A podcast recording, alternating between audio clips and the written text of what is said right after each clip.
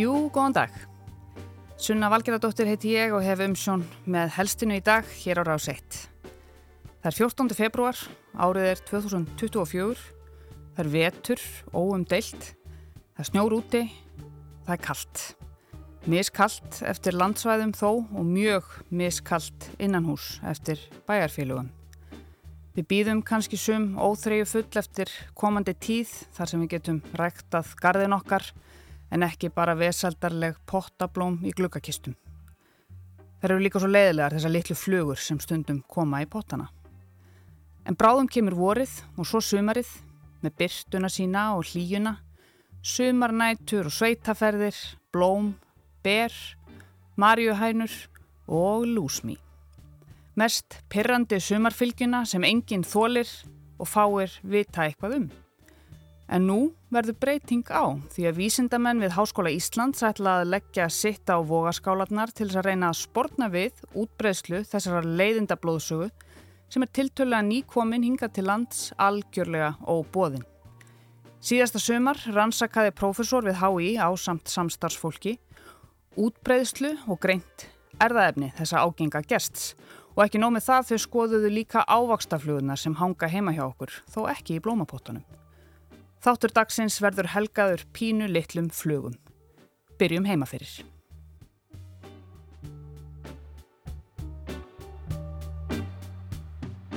Littlu svörtu flugurnar í pottunum okkar heita svarðmí eða rakami. Á vefsíðu Garðheima segir að þær gerir pottaplöntunum lítinn skada en geta gert eigendur þeirra gráhærða. Svarðmí er oftast vísbendingum of vökfun eða einhver stað að standi vatn. Flugan þarf nefnilega standandi vatn til að verpa. Ef vökvað of mikill, stendur bleita eftir í plöntunni þar sem ekkin og lirfan geta lifað. Fyrsta skrefið er að draga úr vökfun. Það getur líka hjálpað að vökva bara að neðan ofan í undirskálina. Fylgist vel með mold til þess að vera vissum að vökva aldrei þegar moldin er enn blöyt. Límgildrur henda líka vel til þess að góma flugurnar. Límborða er hægt að hengja við plöntur og vaska eða stinga í moldina. Og gamalt húsráð er að stráð þunnulægi af kanil yfir moldarlægið eða setja sandlag svo lirfan komist ekki upp. Það er líka hægt að eitra, þá með húsa og garðúða eða öðru eitri en það er alls ekki nöðsynlegt við þessum litlu og skadlösu flugum. En þessar flugur eru ekki ávakstaflugurnar sem er verið að rannsaka þrátt fyrir sláandi líkindi. En þær eru meinleysi skrei. Það, það býtaði ekki, það bera enga sjúkdóma og þær eru bara sagt, rekord sem að kannski veldur einhverjum ama eða ítur undir hérna, pöttufælni. Þetta er Arnar Pálsson, profesorinn við HÍ sem leiði rannsóknina sem ég talaði um hér í byrjun. Hann er að tala bara um einn pínulítinn ánga rannsóknarinnar sem snýri að ávokstuflugunum en við leipum honum svo betur að á eftir. Það er engin hætt af þeim, það eru bara svona smá ami í raun og veru. Mm. Um, það sem við höfum verið að gera sagt, sem stúdendaverkefni í hérna, fyrsta ásnámskeiði er það að senda nefnendur á, út í byrjun september með, með túpur og, og sagt, er það að abla sína víða um borgarlandið, gett þetta frá 2019 og, og, og hlutfall gildra sem koma allir baka til okkar er bara nokkuð jæmt yfir árin. Mm. Ef eitthvað þá var sagt, fleira í september sagt, 2021 heldur en núna. Þannig að þessi hérna háaröldum að lífræna sorpið sé að valda því að einhvern faraldri í ávastaflugum eða bannaflugum það, það er ekki vísindarlega, sko, ykkar rannsónir sína fram að svo sé ekki. Já, eða allavega, sko, við tókum náttúrulega sínin í september en fólk á mesta kvarta í júli mm -hmm. og hérna ágúst. Ja. Það er náttúrulega þannig að ávastaflugan, hún þarf, sko, tvær vikur við, við stofu hitt eftir þess að ná einum lífsferli. Ja. Þannig að ef hún nær sér upp, ef þú skilur banana eftir undir ískapnuðinum mm -hmm. verið tvekkja mánuða frí, þá kemur það fullir í íbúð. Hérna. Akkurát, akkurát.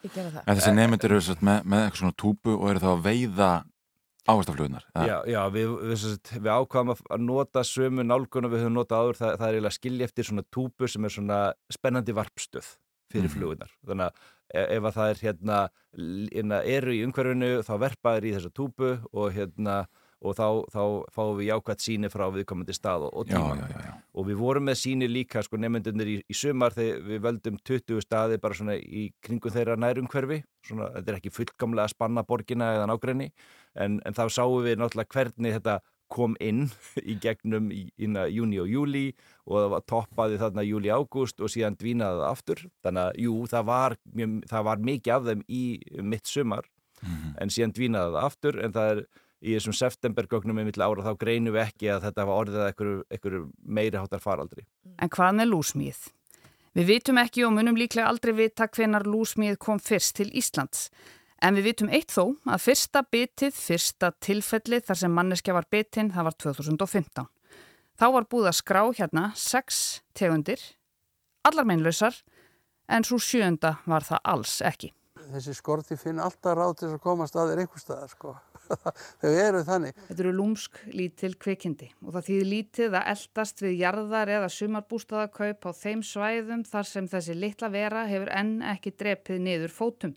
Því hún er að dreifa sér um allt land og hún er að gera það hratt. Fólk þarf að breyta í raun og veru hegðun sinni bara aðurlega sig að þessum aðstæðum. Við þurfum bara að breyta hegðun okkar ef við viljum sleppa við bitin. Kvöldmatur utandira í lokni og kvöldsól er kannski ekki lengur þess. Það er ekki búið skemmtilegt en er þetta ekki bara eitthvað af því sem við þurfum að lifa með og læra á? Hvað getur fólk gert í varúðar skýri þegar lúsmið fer á stjá? Ég, ég segi stundum að það þurfur að vera svolítið blandaðar hernaður það var bara árás í orðsifjöldumverkingu eins og hann gerir besta flugur maður var bara tattúraður allstar þar sem maður sást í berskinn Lúsmíð komið á stjá er fyrirsögn fréttar Amöndu Guðrunar Bjarnadóttur síðan 17. júni á þjóðatíðadaginn og kannski verður lúsmíð bara orðið þjóðar dýrið okkar innan tíðar Lúsmíð setur í kjósinni The Icelandic Biting Midges Settlement þar sem ferðamenn geta séð minnstu og mest pyrrandi íbúa landsins. Hér fáið þið ókipis hugmynd úr þetta helst. En yfir til þín, Amanda. Sérfræðingar segja ekkert benda til þess að stopnar lúsmísins fari mingandi, þvert á móti séu þeir í vexti og útbreyslan stöðugt að aukast. Nú megi finna lúsmí nánast um allt land. Og umræðan á Facebook-hópnum Lúsmí á Íslandi er komin á fullt.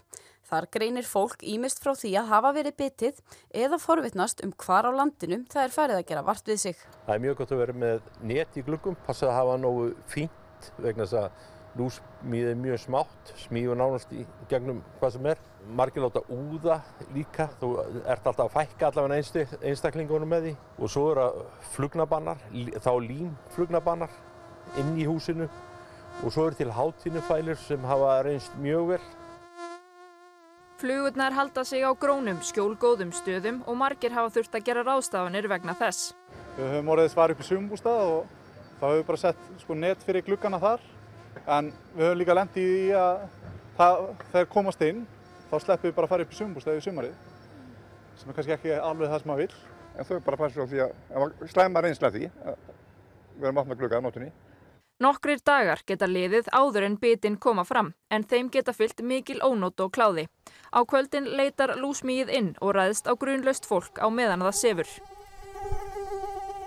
Þarna heyrðum við í Holmfríði Dagníu Fríðjónsdóttur fréttamanni og nokkrum þólendum lúsmís í byrjun júni 2019.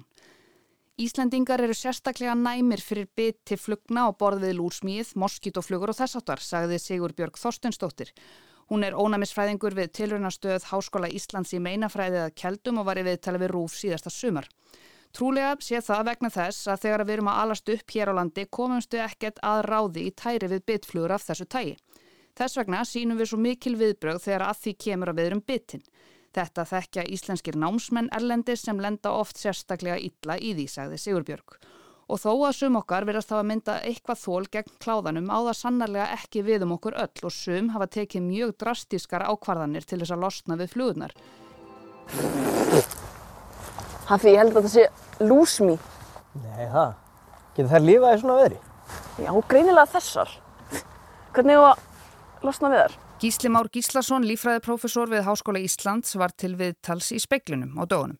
Hún er þekkt frá Míða-Európu og Norður-Európu og Östur í Rúsland, mjög algeng til dæmis á Breitlandsegum og er ángra fólk þar. Það má segja að það sé svona álálendi en samt ekki við sjáalsíðuna.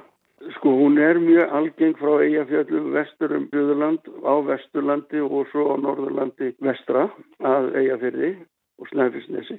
En svo er til til dæmis tilfelli frá Hortnamferði þar að menn fengi bit þannig að hún er að dreifa sér og það er bæði getur hún fókið til það er lítið kvíkindi um 1,5 mm og bers með vindum en einnig þá er hún að berast sennilega með hjólísum og húsbílum og, og svona meðan fólk er að ferðast á sömurinn og þetta er bara inn í þessum hjólísum og og, og berst þannig til nýra svæða. Þeir bústaði það sem er mest að lúsmiði, það er það sem er skjólsælast því að þessar flugur er svo litla það get ekki flóið nema í lokni og það sem er mikill gróður í sem bústu hana þá er miklu meira lokn og fólki líður almennt betur þó að það geti verið svona lúsmi sig fylgir það, en síðan sagt, eru þetta verður fólk fyrst og fremst bitið á nóttinni þó þessi bitið á daginn líka það má ekki gleyma því að það situr út í sólinu og það er alveg lokna það getur verið bitið það sækir inn í húsin og býtur innan þeirra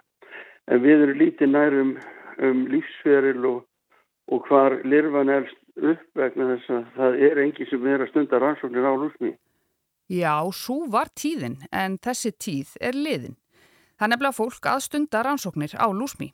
Arnar, sem er profesor við líf- og umhverfisvísindadeilt Háskóla Íslands, leiði rannsóknina, við heyrðum í honum hérna áðan og hann var gestur þeirra Hafdísar Helgu Helgadóttur og Yngvars Þós Björnssonar í morgun útvarpir ásar 2 síðasta haust, þar sem hann greindi frá fyrstu niðurstöðum rannsóknarinnar og í stuttumáli eru niðurstöðunar eftirfarandi. Við erum bara engu nær. nei, nei, þetta er nú kannski ekki alveg rétt. Þetta er það sem kallað er að klippa viðtal úr samhengi skulum gefa Arnari aftur orðið. En það sem við lögðum upp með í upphafi sumars var að, hérna, og vorum svo heppin að fá stuðning frá nýsköpunum sem námsmanna að ráða, hérna, tvo unga nema til þess að hjálpa okkur að reyna að finna, sko, úr hvers konar eh, landsvæði kemur lúsmíð mm -hmm. og er eitt toppur eða tveir, er, er það að ná að fjölga sér tvísvar mm -hmm. yfir sumarið og hérna, og síðan ætlum við eldast við sagt kynja hlutfalla því að það eru bara hvern flugurna sem býta því að það þurfa að næra ungviði sitt og, og fleira og hérna, þannig að við lögðum upp með það í, í uppæðu sumars. Já, já. Og, og sko, hverju erum við nær? Hérna, getum við núna bara átt lúsmi frýtt sumar, næsta sumar? Já, sko, stóru vombriðin í þessu er það að við vorum með alls konar gildrur og, og grófum upp jarðveg og hitt og þetta til að komast að í hvaðan það kemur. Kemur það úr graslendi, votlendi, mýri, stöðuvatni, mm. strömmvatni, alls konar svo leiðis og við vitum bara, við erum bara engu nær Já, já, akkurat Gott svar Við fórum á nokkra staði og, og bara hlupum um eins og heimullin með háf sko. Sem er náttúrulega bara eiginlega Það hefur verið hefur verið fullkomnasta yðja sko, því talið romantístum það að vera að skýða hérna á þannig Já, nei, nei, nei, nei, nei Það er háfurinn. Það er háfurinn sko. En þá, hérna, þá vorum við einmitt að sagt, reyna að finna í hvers konar búsvæðum við fyndum þar, við fórum, fórum upp í kjós að það er eiginlega svona slettuna ground zero fyrir hérna lúsmi, þannig að Kalli Tom fann þetta útbytinn Hvað heldur þetta séu mörg bytt? Ég, ég, ég heldur hljóta að skipta hundruðum sko, þú, þú sérð hérna náttúrulega alveg endalust sko, þetta er bara að fara að hjaðna svo mikið að núna sem betur fer, en já, ég heldur skipti hundruðum. Það var bara veisla hjá þeim? Já, það var sko, það var bara gúrmi. Sko. Við fórum með þess að til hans og hann var mjög liðlegur og eiginlega allir sem við töluðum við sko um að fá að setja upp gildrur og, og, og, hérna, og háfa í gegnum gardana þeirra eða skórlendi sko.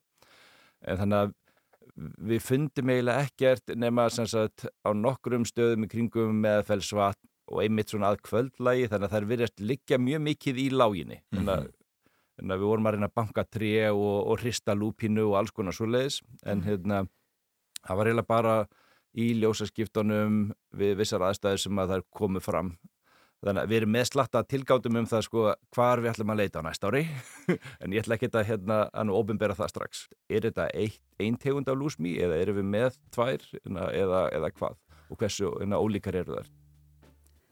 Það verður spennandi að fylgjast með þessu næsta höst. Þrýr BS nefnar í lífræði við Háskóla Íslands koma aðverkefninu Það eru þau Guðfinna Dí Svinsdóttir, Nína Guðrún Baldursdóttir og Rafn Sigursson. Við fylgjum þessu alveg öruglega eftir í helstinni. Ég heiti Suna Valgeradóttir og væntingastjórnun fyrir komandi sumar var helst í dag. Takk fyrir að leggja við hlustir og við heyrumst aftur á morgun.